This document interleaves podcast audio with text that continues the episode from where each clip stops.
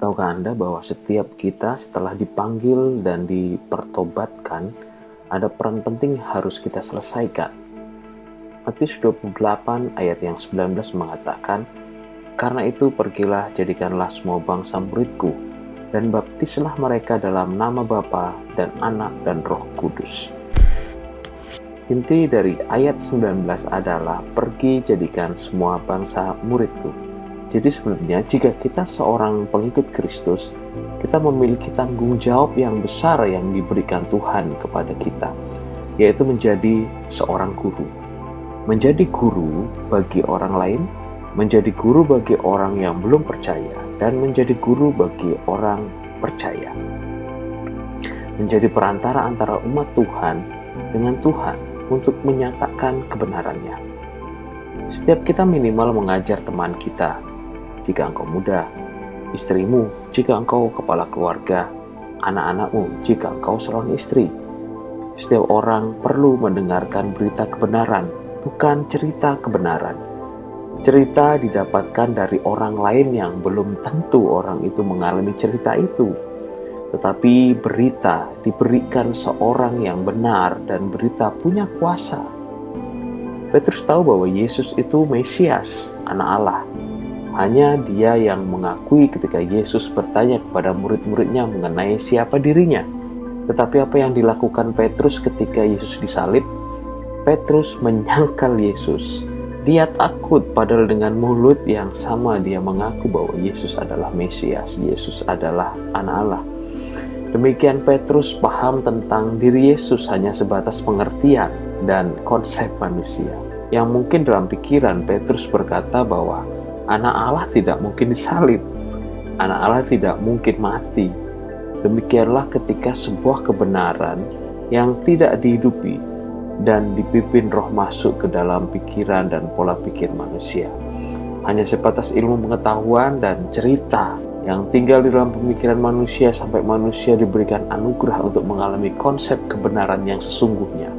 Setelah kenaikan Kristus ke sorga, murid-murid diminta menunggu bersama di Yerusalem sampai di mana Roh Kudus turun atas murid-murid. Dan apa yang terjadi? Khotbah Petrus mempertobatkan 3000 orang. Mereka memberitakan berita yang penuh kuasa bahwa Mesias sudah mati dan bangkit untuk menebus umat manusia. Memberitakan sangat berbeda dengan menceritakan, di mana berita akan lebih berkuasa ketimbang cerita. Dan perintah Tuhan pada kita adalah untuk memberitakan Injil, bukan untuk menceritakan Injil. Di sini kita paham, kita memberitakan dengan sudut pandang Tuhan, konsep Tuhan, bukan menceritakan dengan sudut pandang manusia atau konsep manusia. Mengapa saya menjelaskan seperti ini? Karena jika kita menggunakan konsep Tuhan dalam pemberitaan kita, kita juga harus mengerti konsep garam dan terang yang diajarkan firman Tuhan pada Matius 5. Matius 5 ayat 14 sampai 16 mengatakan, "Kamu adalah terang dunia. Kota yang terletak di atas gunung tidak mungkin tersembunyi. Lagi pula orang tidak menyalakan pelita lalu meletakkan di bawah gantang, melainkan di atas kaki dian sehingga menerangi semua orang di dalam rumah itu." Demikian hendaknya terangmu bercahaya di depan orang, supaya mereka melihat perbuatanmu yang baik dan memuliakan Bapamu yang di sorga. Jadi jelas, saudaraku, siapakah diri kita? Apakah yang kita kerjakan sebagai umat pilihan? Seorang guru harus berpadanan antara hikmatnya dengan tindakannya. Karena setiap aspek kehidupannya selalu dipandang oleh muridnya. Kalau kita ini umat pilihan yang sudah diperbaharui pikiran dan hati kita, dan kita sebenarnya ditempatkan di dalam kebenaran, hendaknya kita seperti terang. Kita seperti kota yang letaknya di atas gunung, tidak mungkin tersembunyi, pasti terlihat.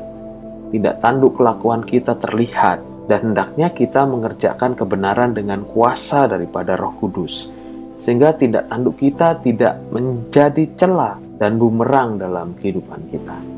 Nah, itu kenapa berita Injil begitu penting karena kita dituntut untuk bertanggung jawab baik secara pengertian maupun secara kehidupan. Paulus adalah orang yang sangat luar biasa, orang yang menjadi berkat di Eropa dalam pelayanannya. Dengan kerendahan hatinya, ia berkata demikian, pada 1 Korintus 9 ayat 27. Tetapi aku melatih tubuhku dan menguasai seluruhnya, supaya sesudah memberitakan Injil kepada orang lain, jangan aku sendiri ditolak. Begitu jelas ya. Mengapa harus demikian? Supaya terang kita bercahaya. Celah menimbulkan suatu harga menjadi turun. Tidak ada orang yang memilih barang yang memiliki celah. Pasti mencari barang yang terbaik tentunya. Barang yang tidak baik ditinggal orang. Kalau kita punya anugerah, jangan buat celah. Supaya cahaya kita menerangi semua orang. Terang kita bercahaya di depan orang dan orang melihat perbuatan kita yang baik dan memuliakan Bapa kita yang di sorga. Jadi begitu pentingnya tugas kita sebagai umat pilihan di tengah dunia ini.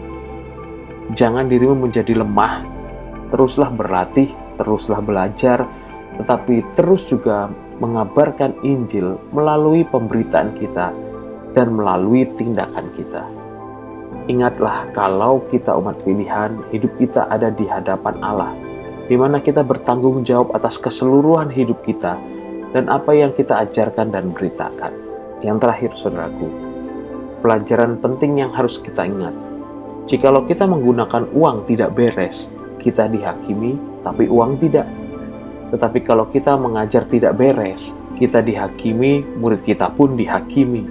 Makanya seorang guru yang sembarangan mengajar kepada murid, ada tertulis harus dikalungi batu kilangan dan ditenggelamkan. Jadi jangan anggap remeh diri Anda karena kita semua adalah guru yang bertanggung jawab atas semua anak-anak murid dan bertanggung jawab di hadapan Tuhan. Semoga ini menjadi pelajaran yang penting bagi kita semuanya. Tuhan Yesus memberkati.